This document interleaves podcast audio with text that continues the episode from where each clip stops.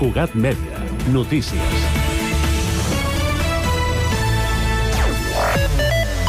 Bona tarda. Sant Cugat intensificarà de nou la vigilància i la presència policial als carrers de la ciutat, especialment als eixos comercials, per prevenir possibles delictes com furts i robatoris durant les festes de Nadal. Mossos d'Esquadra i policia local ja han activat l'operació Grèvol amb patrulles mixtes que volen augmentar la sensació de seguretat tant per als comerciants com per als vianants. L'operatiu s'allargarà fins al 7 de gener. Escoltem el cap de la comissaria dels Mossos a Sant Cugat, Manel Rodríguez. Al Nadal no únicament hem de pensar en aquells delictes de compres, de furs, etc, sinó que hi ha dos delictes també col·laterals molt importants que es donen en aquestes dates nadalenques. Un és el robatori interior de vehicle. Doncs habitualment el que fem és anar guardant en el maleter aquelles compres que fem i continuar comprant. És un greu error. I un altre delicte col·lateral també és el mateix concepte però en els trasters. La policia local, d'altra banda, posa en marxa també durant la mateixa època dues operacions més. Per una banda, l'operació Neula i Tió, que consisteix en fer inspeccions administratives a comerços per controlar articles nadalencs, com llums de Nadal i altres garnaldes, així com joguines. L'objectiu és vetllar perquè compleixin amb la normativa de seguretat i qualitat europea. D'altra banda, també hi ha l'operació Benús, que va dirigida a la vigilància de la venda ambulants sense permís. La policia local i Mossos d'Esquadra han detingut aquest diumenge, 3 de desembre, al vespre, una persona després d'un aldarull dins el caixer ocupat de CaixaBank, ubicat a l'Avinguda de Cerdanyola. Els cossos de seguretat han explicat que els fets que han suposat el trencament de vitres i el llançament d'objectes al carrer ha estat ocasionat entre els mateixos convivents de l'espai ocupat. El santcuatenc Mariano Tazzioli continua exhibint el seu talent com a dissenyador gràfic 3D després de participar en una gran producció. Aquest cop ha estat Marvel Studios qui l'ha fitxat per formar part del modelatge dels personatges de la nova sèrie d'animació que es diu El teu amic i veí Spider-Man. L'any 2021, Tazzioli va estar a prop de 8 de mesos treballant en el modelatge 3D de diversos personatges que encara no pot revelar, de la primera temporada de la sèrie Spider-Man Freshman Year, que arribarà el 2 de novembre de l'any 2024 a través de la plataforma Disney Plus.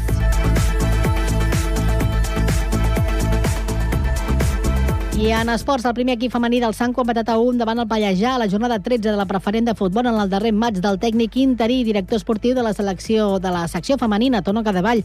Les santcuatenques s'han avançat al primer temps amb una diana de Laura CC i ha tingut la segona dinana a tocar quan Eli Romero ha disposat d'un penal, però que ha aturat la portera visitant.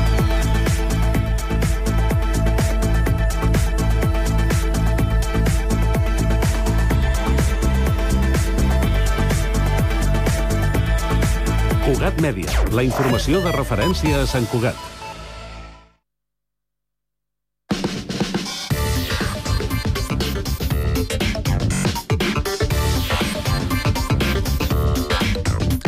Cinc de la tarda, 3 minuts, inici de la segona i última hora del Connectats d'aquest dilluns. Informació de servei. Comencem pel trànsit. Anem pel Servei Català de Trànsit. Allà tenim la Marta Carbó. Bona tarda, Marta.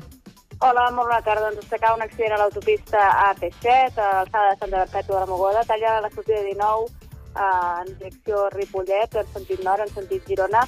Aquest accident, com dèiem, que hi ha a l'autopista AP7 i que provoca retencions entre Barberà i Santa Perpètua en sentit nord, en sentit Girona. A banda d'això, destacar que la B30, lateral d'aquesta AP7, també hi ha retencions entre Salats de Danyola i Barberà, també en sentit eh, Girona.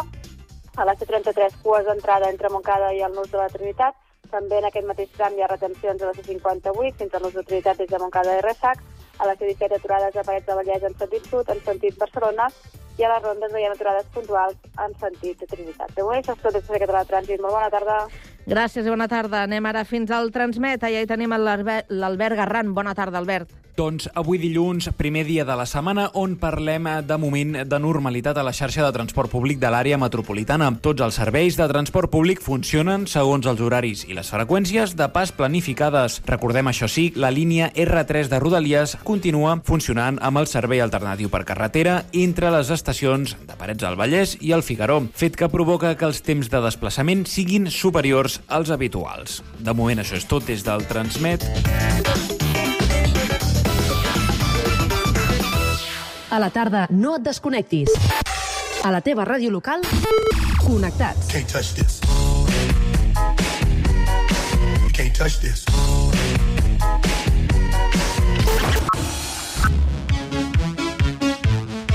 Can't touch this.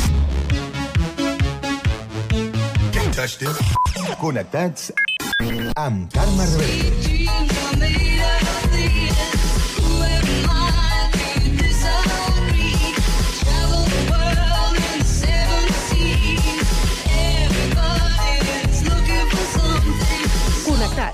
Una experiència radiofònica a Sabadell, Terrassa, Sant Cugat, El Prat, Castellà i Badalona.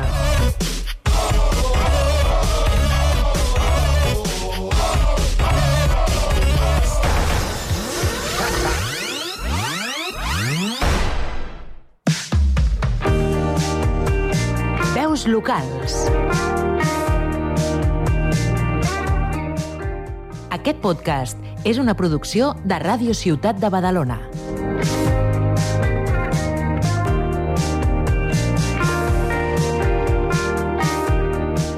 Dues medalles de plata es van portar el badaloní Dani Ferrer en el Mundial de Natació Paralímpica 2023. Avui el tenim al Connectats als estudis de Ràdio Ciutat de Badalona amb la nostra companya Andrea Romera, perquè ens parli de les seves sensacions durant el campionat i també perquè ens expliqui alguns secrets de la seva trajectòria. El badaloní Dani Ferrer és nedador professional paralímpic. Ell té paràlisi cerebral, però això no li ha impedit dedicar-se professionalment a la seva passió, que és la natació. De fet, aquest estiu va guanyar dues medalles de plata al Mundial de Natació Paralímpica de Manchester 2023. Dani, com estàs? ¿Qué tal? ¿Todo bien? Dues medalles de plata, com dèiem, a 50 metres lliures i a 50 metres esquena al Mundial de Natació Paralímpica de Manchester. Com et vas sentir quan et vas proclamar subcampió del món? Pues nadé unas cuantas pruebas, pero esas dos pruebas eran las pruebas que vinimos todo, todo el año preparando para ese campeonato, en especial. Esas dos pruebas, y salieron mejor de lo que me esperaba, ya que eh, dos platas me esperaba eh, que hiciera un buen mundial, pero eh, ya entrar en, en medallas ya no, no me lo esperaba para nada, así que nada, a disfrutar. Content i orgullós. Sí, De fet, als 50 metres lliures et vas quedar a un segon, no?, més o menys, del guanyador, que va ser un ucraïnès. Com et vas sentir quan et van dir això? Va ser frustració, impotència o, al contrari, et vas sentir encara més orgullós de tu mateix? Pues por un primer momento, eh, cuando llegué a- al final, eh, me fijé en el, fondo, en, la pantalla de fondo, que daban los resultados inmediatos y resultaba que salía yo primero. Y me asusté porque dije, ostras, soy, soy campeón del mundo, pero por cinco minutos, porque cuando salí del agua, el ucraniano pues eh, decidió reclamarlo eh, para que mirasen una, las imágenes y todo eso. Y mirando la repetición, eh, le dieron la victoria al ucraniano ya que vieron perfectamente que tocó el primero en la pared. O sigui, durant 5 minuts et vas pensar que havies sigut campió del món. Sí, efectivamente. I com reps això de veure que al final no ho has sigut? Que, que segon està increïblement bé, també, però potser una mica de decepció vas sentir. Sí, efectivamente. Yo cuando, cuando me enteré de que al final no, era como, vale, está bien, pero era como un sabor a- agridulce porque cuando fui a la, a la entrega de medallas, eh, yo estaba, estaba no cabreado, pero de decir lo que se me ha escapado. Amb el run-run, no, encara? Sí. Tot i així, vas fer una feina molt bona, tant tu com els teus companys, i heu aconseguit nou places de classificació per a Espanya pels Jocs Paralímpics de París de 2024. Explica'ns una mica com funciona tot aquest tema de les places, perquè Espanya ja té la seva plaça no, a la competició, però tu com a nedador encara no saps si podràs participar-hi. Efectivamente, yo, yo sí que es verdad que gracias a las dos platas conseguí por, por cada, digamos que por cada medalla eh, que consigue el nadador eh, se da una plaza a, a España para los Juegos Paralímpicos, pero eso no, no me asegura a mí la, la plaza para estar en París el año que viene.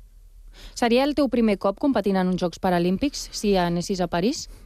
Sí, sí.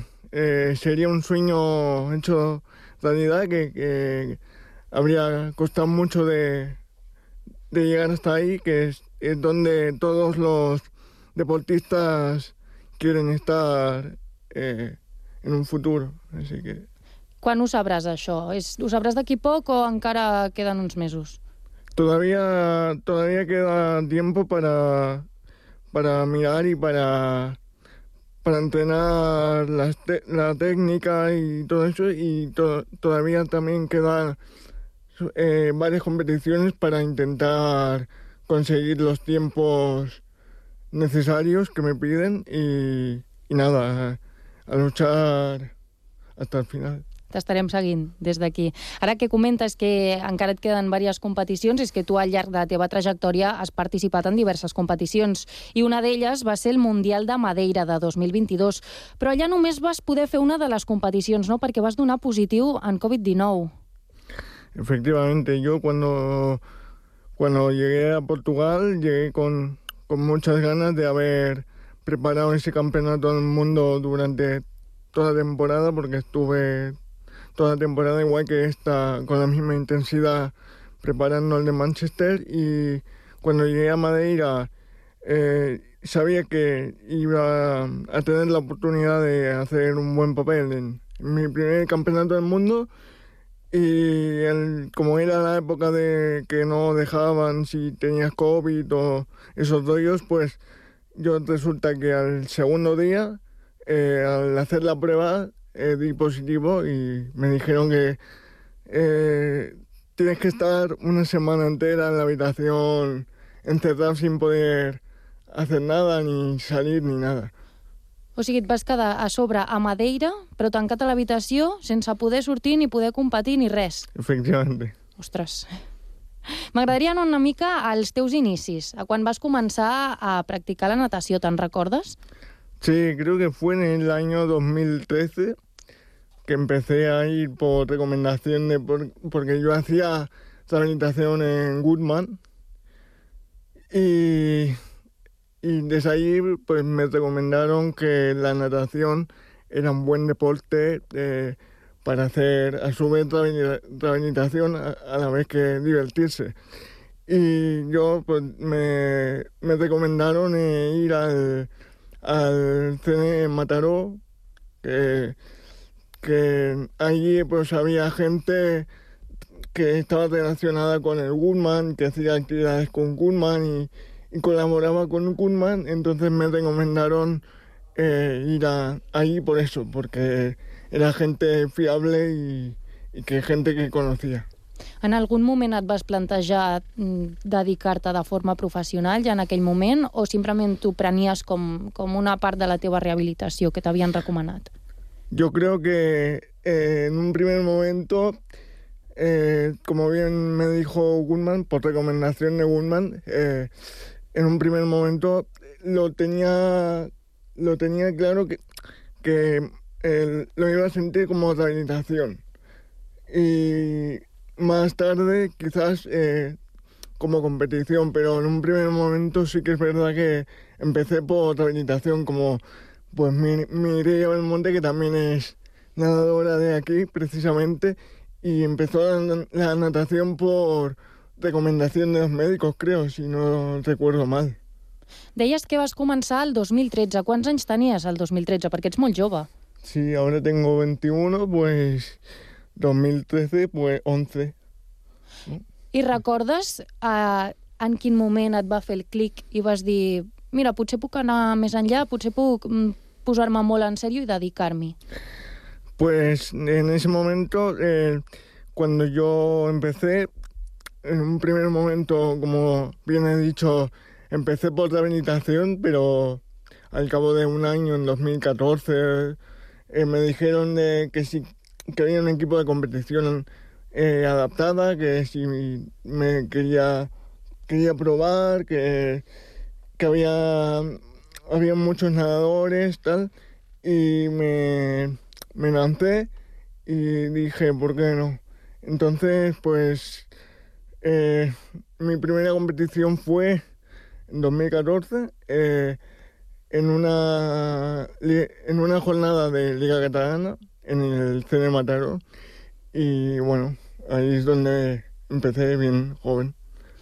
Has dit que des de la Goodman ja et van recomanar que anessis a Mataró, tu ets de Badalona, i tot i així, havent-te convertit en un nedador professional, continues entrenant a Mataró. Clar, és que aquí a Badalona tampoc no hi ha instal·lacions per entrenar. A tu què et sembla això? Perquè parlaves també de la Mireia Belmonte, que ella també és de Badalona, i clar, veure que una ciutat on tenim nedadors tan, tan importants com vosaltres i que sou professionals i que guanyeu medalles i no us podem donar un lloc per poder entrenar? Efectivamente, yo creo, a mí al menos me resulta un poco frustrante eh, que mi ciudad, que es, es una de las mejores de, de Cataluña, no tenga una, una piscina de 50 decente. Sabes que llevamos muchos años sin, sin piscina ni, ni mantenimiento ni tal. Y, y, sí que es verdad que sería bueno eh, tener una piscina de 50 por, por el bien de Badalona, por, por, para que la gente sepa que Badalona también és, fi, és figura del deporte. A veure si ens escolta algú des d'aquí i pot moure algun fil. Tu quantes hores dediques a la setmana als entrenaments? Eh, pues lunes eh, una hora por la mañana, eh, miércoles una hora por la mañana también, viernes una hora por la mañana, sábado una hora por la mañana y a veces eh, ahora estoy empezando a entrenar a fondo, entonces los, los miércoles eh, estoy empezando a entrenar mm, por la mañana y por la tarde. I Dani, veient tot l'esforç i totes les hores que hi dediques tu a la natació, et molesta que no se li doni tanta importància a aquest esport a nivell mediàtic com, com se li dona a altres esports, com per exemple el futbol o el bàsquet? Sí, yo creo que obviamente yo, yo por ejemplo, yo soy muy fan del, del fútbol, eh, soy fan número uno y entiendo que el, el fútbol es el deporte que uno de los deportes que más dinero da hoy en día, pero sí que es verdad que el, que el hecho de que exista el fútbol no quiere decir que dejen de existir otros deportes, aunque sean menos importantes o aunque, aunque los medios le den menos importancia. Yo, yo creo que yo podría ser el caso de la natación, por ejemplo. Si, imagínate si la natación convencional ya les cuesta a los medios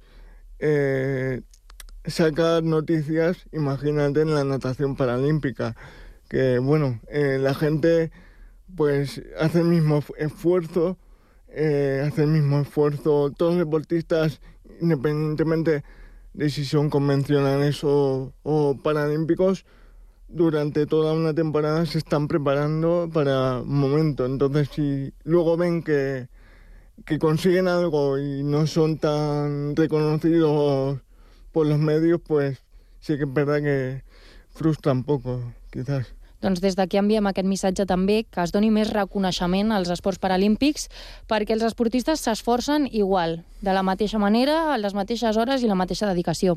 Doncs, Dani, ja estem arribant al final de l'entrevista i per tancar t'hem demanat una cançó i tu has escollit aquesta que sona, que és Tubular Bells, de Mike Oldfield. Justament aquesta cançó que sentim és la mítica música de la pel·lícula L'Exorcista. Per què has triat aquesta cançó? Pues porque es una de mis pelis favoritas, aparte he visto mucha información, estoy enganchado a, este, a esta película y no paro de, mirar información, vídeos y, y, todo.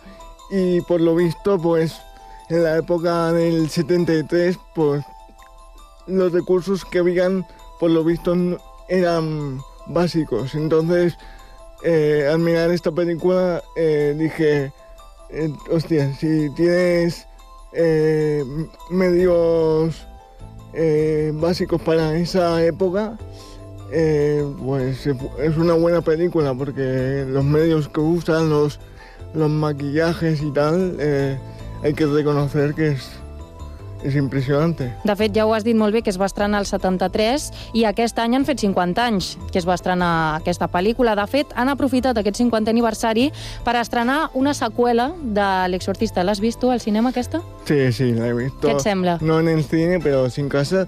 Me parece, eh, bueno, que le falta...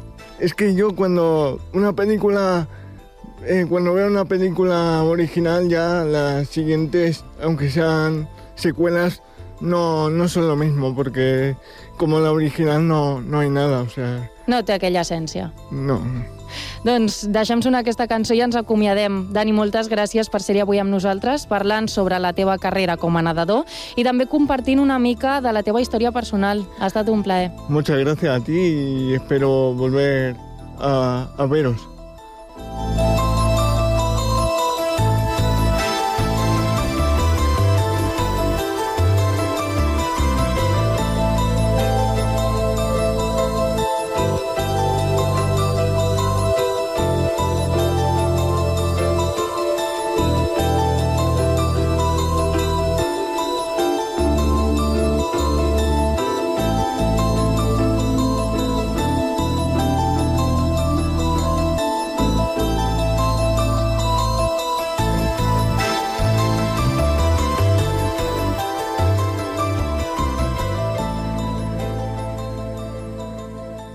A la tarda, no et desconnectis.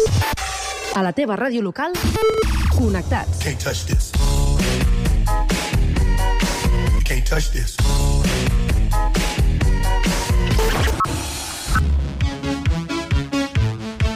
Can't touch this.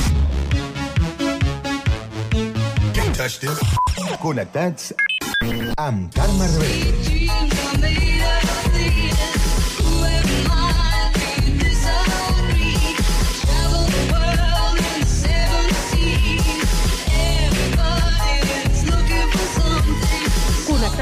Una experiència radiofònica a Sabadell, Terrassa, Sant Cugat, El Prat, Castellà i Badalona.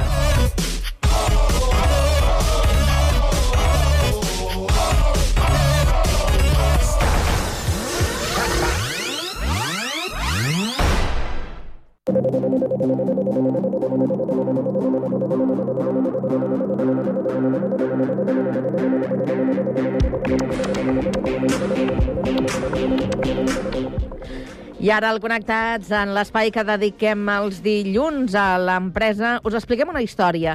Dos joves valents que assumeixen una gran responsabilitat com fer funcionar un dels espais de restauració més emblemàtics de Castellà, el bar del Mercat Municipal de la ciutat. Avui parlem d'aquest cas que sobretot es fonamenta en la il·lusió. Guillem Plans, des de Ràdio Castellà, bona tarda. Molt bona tarda, Carme. Doncs tenim amb nosaltres a Pol Lajarín i Andrea Aguilar. Són els dos aventurers que ara doncs, habitaran el bar del Mercat. Molt bona tarda a tots dos. Bona tarda. Bona tarda. Què us va motivar a prendre la decisió de fer-vos càrrec del bar del Mercat?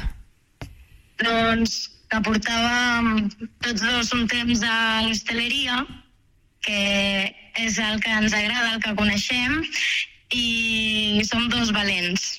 I... Ens, vam, ens vam conèixer i així amb, amb la broma de si toqués la loteria que faries, i va, sí, va ser pues, muntar un restaurant. No, no ens va tocar. Ens va No ens va tocar res i, i després al, al mes, al mes o així vam dir per què no ho fem sense que toqui la loteria? Per què no comencem? I mira, vam començar a mirar amb la caixa, no sé què, per aquí, per allà, i, i Tot el projecte. tot el projecte i, i mira, ja ho, ho hem pogut treure endavant. Hmm, perquè per deixar-ho clar, eh, Pol i Andrea, vosaltres dos sou parella. Sí, sí, sí. Però la idea va començar sent amics. Això. I no us fa por aventurar-vos ara en un negoci sent parella, allò de no, no barrejar l'amor i la feina, o al contrari, clar.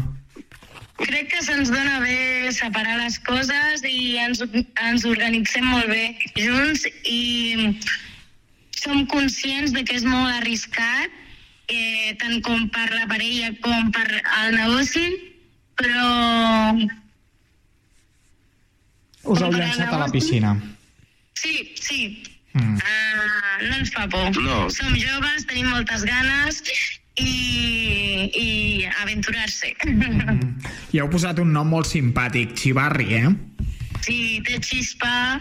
Ens agrada també... És xivarri amb TX, perquè la idea també és fer una miqueta de pinxos estil basco i volíem donar-li un toc així simpàtic. I sí, sí, sí, ens agrada molt el nom. Estem molt contents. Tots dos teniu experiència en el món de la restauració. Mhm, Jo porto 10 anys. Jo, jo vaig treballar en aquest bar quan vaig tenir 16 anys, fins als 20, vaig estar aquí treballant. I mira, del, al millor li vaig agafar massa carinyo i ara pues, ara que estem aquí.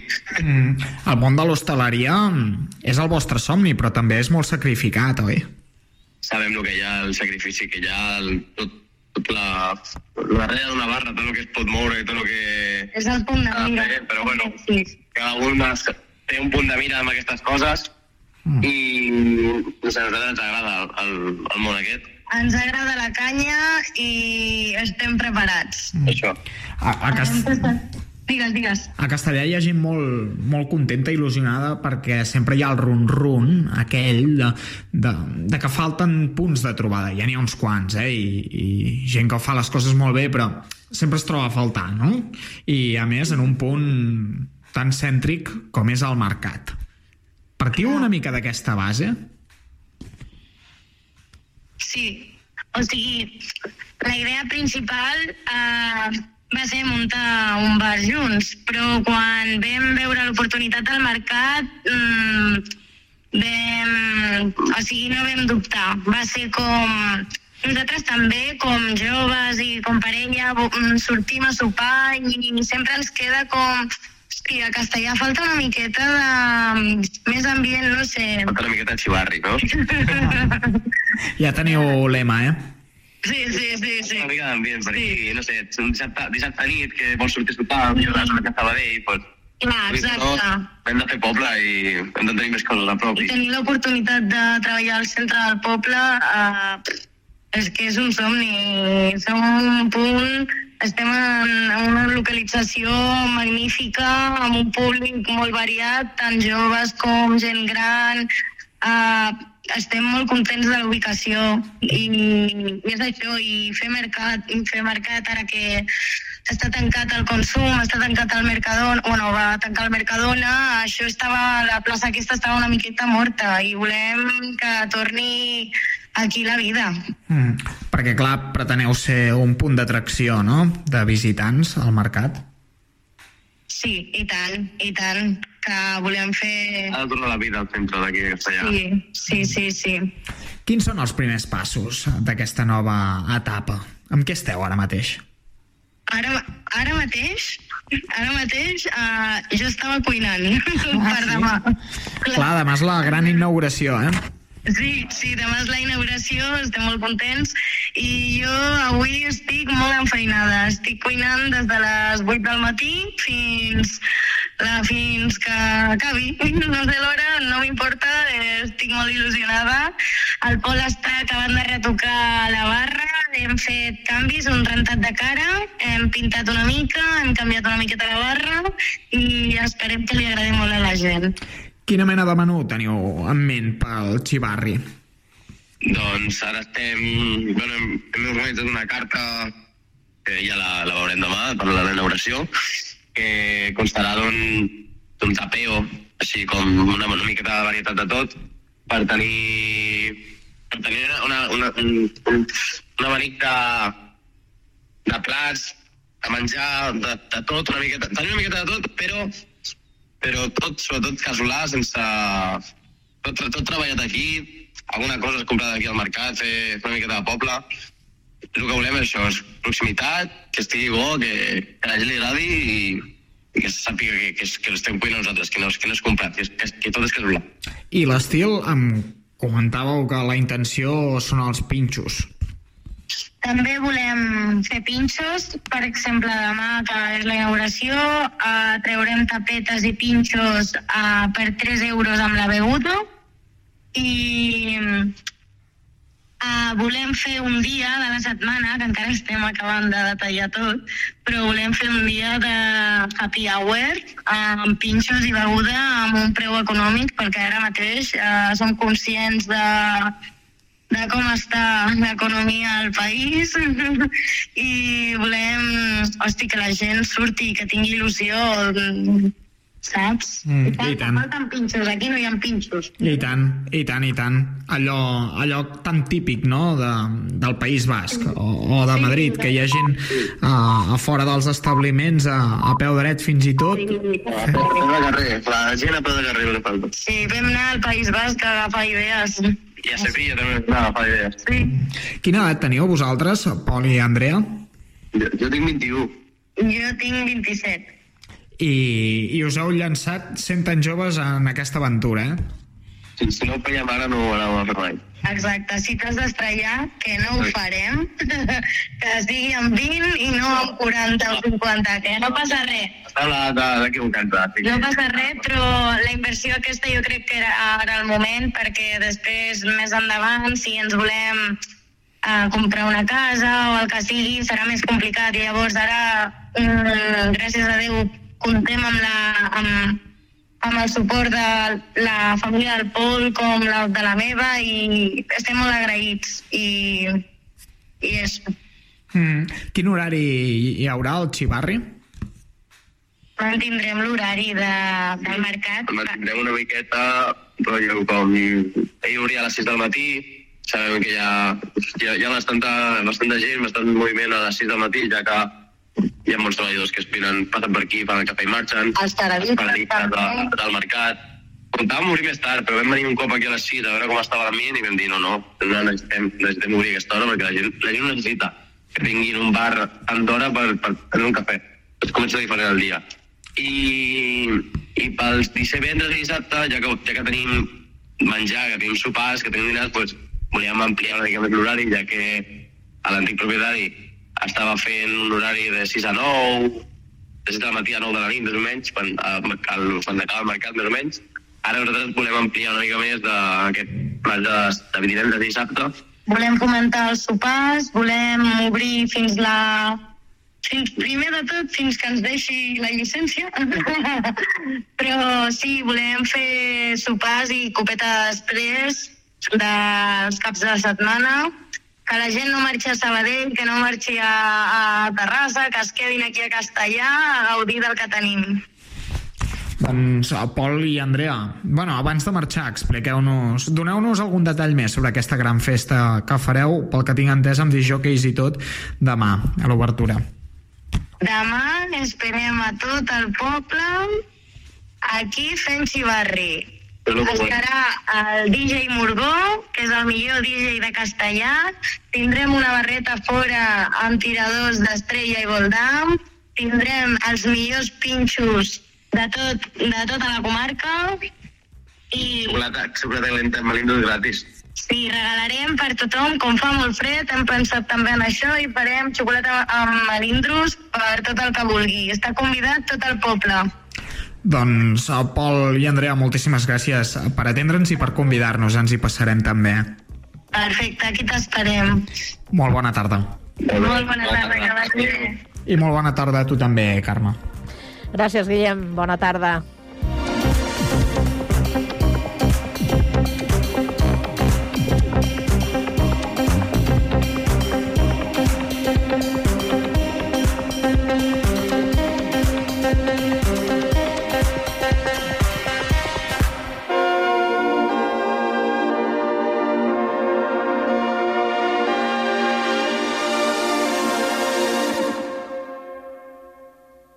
Hola, sóc el Julià Guerrero, director de Ràdio Castellà, i avui vull recomanar al Connectats una de les millors Nadales que s'han fet mai, Fairy Tale of New York, de la banda irlandesa The Pogues, justament perquè fa poques hores que va morir el seu cantant, el mític Shane McGowan, i que va aconseguir doncs, resumir aquest esperit nadalenc amb el bo i millor de, del que és la nostra època d'amabilitat i de dolçor.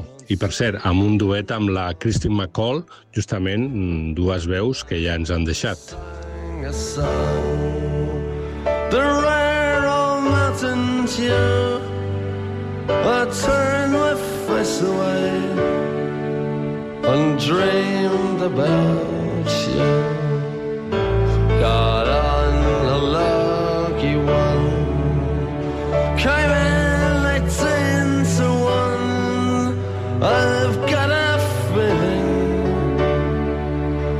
six years from and you. So happy Christmas. I love you, baby. I can see a better time when I.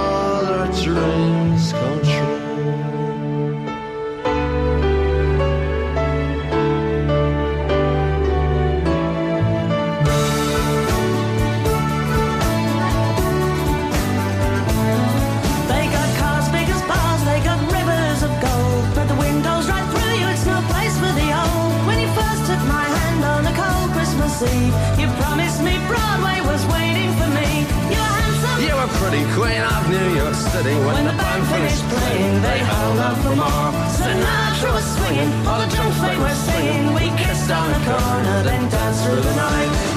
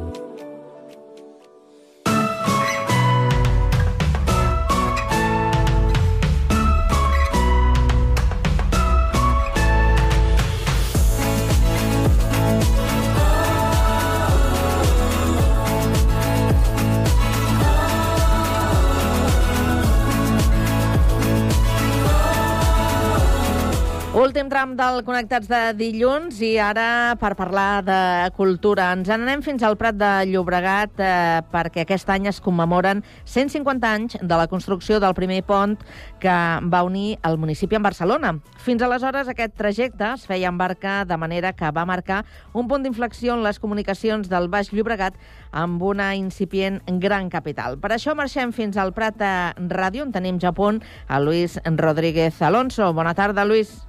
Bona tarda. Amics del Prat, amics de la Sardana, amb la col·laboració de l'Ajuntament han instal·lat unes majòliques que commemoren el 150 aniversari de la construcció del pont de Ferran Puig sobre el riu Llobregat. Unes rajoles que s'han posat en aquest mateix carrer, a Ferran Puig número 18, i que han estat eh, il·lustrades per l'artista local Toni Garcia. Per parlar-ne de tot plegat, avui tenim amb nosaltres a Jordi Gili, d'Amics del Prat. Què tal? Bona tarda.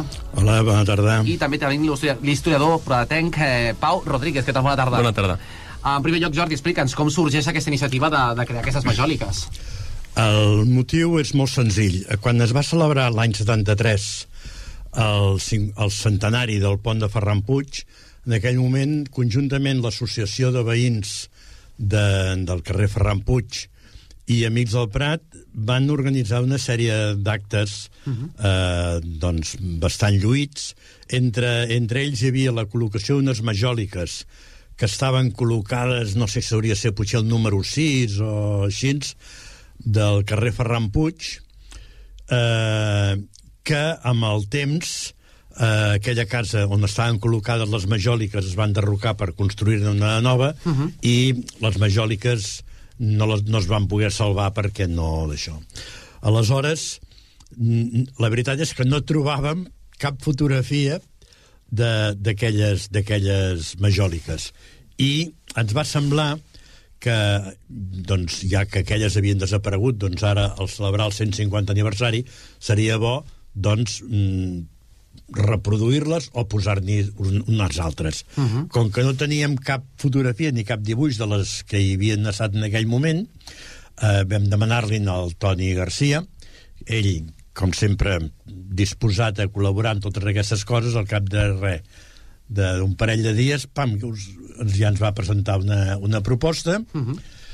i aquesta proposta, doncs, amb un taller d'Igualada, ens l'han convertit doncs, en aquestes majòliques, uh -huh. que el que passa que el que hem fet és, precisament per evitar el que va passar amb aquelles altres, que al, al haver-hi modificacions a la façana de la casa es van perdre, s'han muntat sobre un marc de ser inoxidable i estan enganxades a la paret amb uns cargols la qual cosa, si un dia s'han de treure o... O canviar de sigui, lloc, no? O es canvia de lloc, el que sigui, es treu i no es, i no es malmet la peça. Aquest, aquest ha estat el, el motiu d'aprofitar doncs, aquest, aquests 150 anys de, del, del pont de Ferran Puig. Uh -huh. De fet, en aquell moment, i amb aquest aspecte, doncs, mira, celebrem que Delta, celebrant els 500 números de la seva edició, eh, hagi convocat aquest concurs literari que porta per nom Pau Ballonrat, sí. que en motiu d'aquell centenari Amics del Prat va convocar també un concurs literari de prosa i poesia que mm, el de poesia precisament el va guanyar el Pau Ballonrat i el de prosa l'Eugeni Molero que no és fill del Prat no, no vivia al Prat però ha estat molt vinculat al Prat perquè va treballar durant molts anys a la seda i era el cap de premsa o alguna cosa d'aquestes i que malauradament ja no està entre nosaltres. Eh, i va tenir doncs bastant de, bastant de ressò. I vam publicar un petit opuscle amb els dos o tres premis els dos o tres primers eh, guanyadors de tant de prosa com de poesia. Uh -huh. I, aquesta, i aquest és el motiu per al qual doncs, s'ha fet això. Llavors ho hem volgut combinar amb, amb una ballada de sardanes i bueno, fer una miqueta de festa sense fer doncs, grans espavientos i, òbviament, comptant amb la inestimable col·laboració d'un jove historiador com és el Pau, que, evidentment, garanteix la continuïtat de, dels estudis històrics de la nostra ciutat. Uh -huh. Pau, de fet, explica'ns això. Quina, quina és la importància que tenia eh, doncs, aquest doncs, bueno, primer de tot, eh, la societat eh, sempre fem aniversaris per qualsevol cosa. Jo crec que els historiadors ens aprofitem una mica d'això, de poder celebrar aquests aniversaris i poder parlar d'història, perquè si no seria més complicat. El 150 aniversari de Ferran Puig ens dona l'exemple clar de que només fa 150 anys el Prat era un lloc isolat. No hi havia via de comunicació possible, l'únic era el pont a la barca, i realment per, per mercaderies i per persones era tot un perill, sobretot en cas de riuades. El fet de que arribés un industrial, el Ferran Puig, un dels primers industrials de la revolució industrial aquí a Catalunya, que està vinculat amb el canal d'Urgell, amb, amb Barcelona, amb el que seria la Fabri Coats, una de les sí, sí. fàbriques més importants tèxtils de Catalunya, el fet de que arribés aquí, comprés un munt de terres i veiés la problemàtica de no poder donar sortir al seu gènere, va fer-li plantejar-se realment canviar tot. Mm. Fer un pont eh, que ha pagat pel seu, de la seva butxaca i donar sortida a tot aquest gènere que tenia a la bufera, que realment era tota seva. -huh. La directora de l'Arxiu Municipal de FET, també cap de Patrimoni Cultural, eh, Marga Gómez, el llibre de FET, Asso Associacionisme i Cultura en una Mm. societat en transformació, deia això, deia el 9 de juliol del 73, a 1873, Ferran Puig, en el més pur estil caciquil, va arribar en un carro tirat per quatre cavalls a inaugurar el pont sobre el riu Llobregat, el primer que ell mateix havia fet construir. Don Fernando, el major propietari de Terres al Prat, va arribar tard i les autoritats locals i la multitud congregada van haver d'esperar una bona estona, però després els vives de rigor, que van seguir la cruïlla solemne del pont, va començar aquesta festa. Sí. Sens dubte va ser doncs, eh, Va ser tot una fet històric eh, molt destacat, de fet, per I ser tant. del Prat. I tant, i tant. El marc eh, contextual que trobem és la Primera República i veiem com a partir d'aquell moment, i sobretot sobre la restauració, la política i l'economia van molt lligades. Uh -huh. I trobem un personatge que controla el Prat a nivell econòmic, però també a nivell social i polític, perquè al final és la figura del cacic el que té aquest, aquesta rellevància, i veiem el Ferran Puig que serà senador durant moltíssims anys, i bé, al final és això, trobar les connexions d'aquell Prat i com el Prat, a partir de la figura d'un industrial o d'una d'una nova època, uh -huh. creix. Uh -huh. Clar, en aquest sentit, com va canviar la vida? Perquè, clar, el fet de passar d'un Prat de Llobregat aïllat, totalment aïllat, perquè I no tant. tenia connexió amb Barcelona, a ara poder doncs, arribar fins a l'altra banda del riu Llobregat? Clar, la base social del Prat de llavors era uns miler i escaig d'habitants i la majoria eren petits propietaris. Els únics grans propietaris eren el Salayo i els Roders, no hi havia més propietaris. I clar, el fet de que arribés un gran industrial i s'interessés per aquest poble va fer que tothom acabés anant darrere seu, però aprofitant aquesta benentesa de poder, primer, donar sortida al gènere que tenien ells també, i de manera més o menys gratuïta, perquè tenien un petit descompte per ser al Prat, i el fet de poder arribar al Born en qüestió d'un dia i no amb haver d'esperar-se allà i fer nit i tornar, ja va revolucionar les comunicacions al Prat. Tant és així que el 1881, amb l'arribada del, de la línia fèrrea, uh Mhm. -huh. el Prat ja va canviar per complet i molta gent de fora va venir a viure al Prat, uh Mhm. -huh. perquè es va transformar.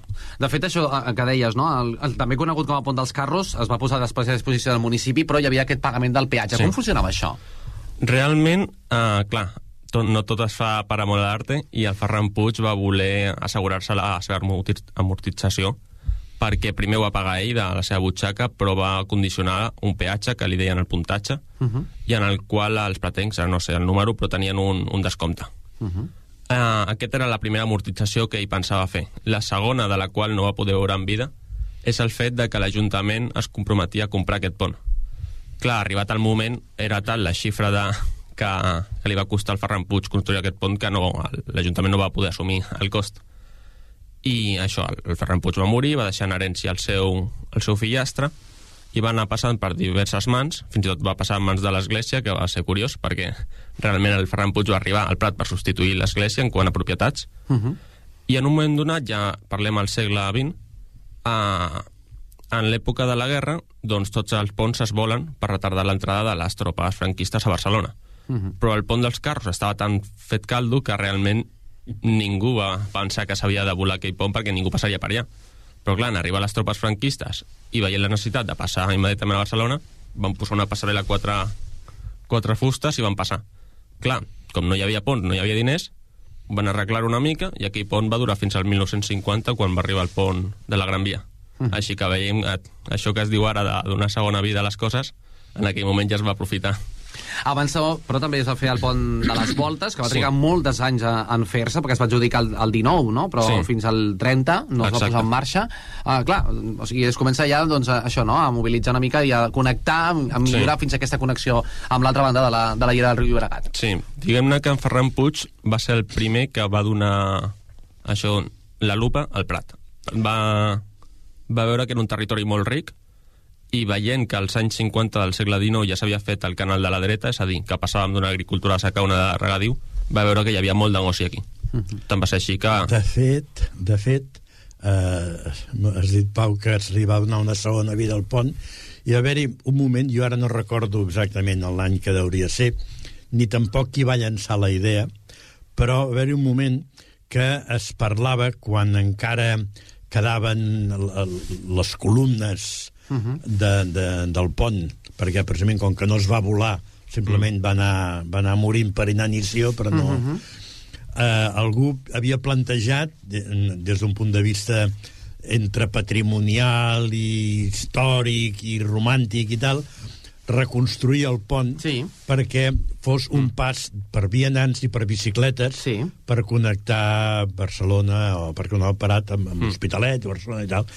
I una de les propostes que hi havia precisament era més o menys reconstruir el, el pont de Ferran Puig doncs per, per rememorar el fet aquell tan important per la ciutat i perquè tingués una utilitat i, i fos viable doncs, eh, la circulació de bicicletes, a peu, etc. De fet, pel que he llegit, em sembla que era una proposta que s'ha presentat eh, bueno, el 2008 o més o menys per allà, eh, per això, per millorar aquesta connexió eh, tant de vianants com bicicletes, una cosa que al final s'ha substituït per bueno, habilitar d'alguna manera no? aquest pont de l'autovia, de la C31. Mm. Com ho veieu, això, pre- precisament, avui en dia? Pensant que està ubicat en, entre el pont de la Gran Via i el pont de, del ferrocarril, aquells dos ponts no són de pas de vianants. I el fet de poder tenir un pont allà, de pas com, per exemple, a Cornellà, com el pont aquell que serveix per vianants i per ciclistes, jo crec que seria molt bona idea, sobretot per la gent que va treballar als polígons, doncs no haver d'anar al pont Nelson Mandela ni al de Mercabarna. Uh -huh. Jo crec que estaria molt bé. Per tant, estaria bé recuperar aquesta idea, potser? A mi em sembla, a mi em sembla bé. Vull dir, em sembla, quan es va proposar, ja dic, no sé exactament qui va ser, però vaig pensar, home, doncs mira, sí, és una bona idea, tampoc no és que estiguem parlant d'una obra faraònica d'això, perquè, bueno, pel que veiem, era un pont que passava un carro que tenia una estructura de ferro, que això hauria de tenir un cost, a part dels, dels fonaments i les pilastres, Mhm. però bueno, que després amb unes travesses de fusta i tal anava ja, tot costa, tot costa molts Sí, diners, sí, no? sí, sí. Però vull dir que hauria sigut una cosa maca i, i a més a més hauria recordat l'inici, com ha comentat molt bé el Pau, d'un canvi de paradigma del poble del Prat. Uh -huh. I ja per acabar us volia preguntar també a tots dos una mica com veieu el Prat d'avui en dia doncs està, hem parlat d'aquest pont de fa 150 anys i d'aquesta doncs, deixar d'estar un Prat aïllat estar més connectat amb Barcelona i la resta doncs, de, de tot el que hi ha a l'altra banda de la llera del riu Llobregat uh, com ho veieu avui que tenim doncs eh, tenim tren, tenim metro fins i tot i que això doncs, ha permès també doncs, eh, fer un pas més endavant més fort també en aquest cas per posar encara més al mapa no? el Prat, no sé com ho veieu això o encara creieu que en certa manera el Prat encara està aïllat entre cometes grans, eh? Home, jo crec que hem passat de ser el poble de les febres a principis del segle XIX a ser l'horta de Barcelona ja al segle XX i avui ens hem convertit una mica a nivell delta com el lloc de les instal·lacions de Barcelona Mhm. i jo crec que hem de saber quin és el nostre puesto dins d'aquesta això i reivindicar-lo en el sentit d'identitat Mhm. històrica, de dir, doncs mira, hem passat d'aquí, aquí, aquí i tenir present i cadascú que faci la seva interpretació. doncs he parlat amb Jordi Gili d'Amics del Prat i també doncs, amb l'historiador pratenc eh, Pau Rodríguez, gràcies per acompanyar-nos avui doncs, a, motiu doncs, d'això, d'aquesta instal·lació de les majòliques que trobareu doncs, eh, justament a sobre de Flors Montaner, al carrer Ferran Puig, i que commemoren aquest 150è aniversari del primer pont, que va deixar doncs, un Prat que va passar de ser doncs, un municipi aïllat a estar comunicat amb la resta de Barcelona i també de l'entorn metropolità. Gràcies per acompanyar-nos, bona tarda. Agraït. Gràcies a vosaltres.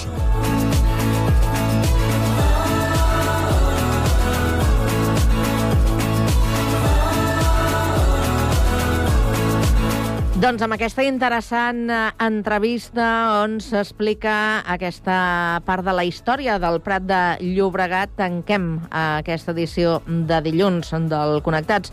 Tornarem demà, com sempre, puntuals a la cita amb vosaltres a partir de les 4 i 3 minuts. Fins aleshores acabeu de gaudir de la tarda i també de la ràdio. Bona tarda a tots.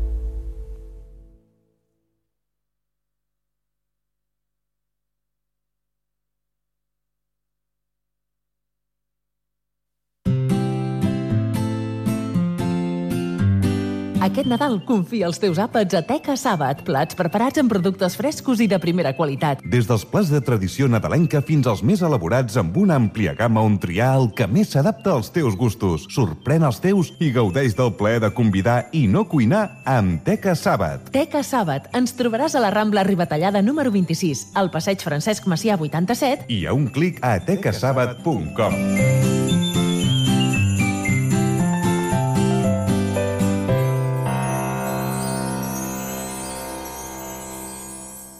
No és el mateix ser els integrants del millor grup de la història que ser el millor grup de la història. Per això, el grup català Occident serem Occident, perquè per continuar assegurant-ho tot, tot i tot, ens havíem d'ajuntar tots, tots i tots. Entra a seremoccident.cat. Ràdio Sant Cugat, Cugat Mèdia, www.cugat.cat.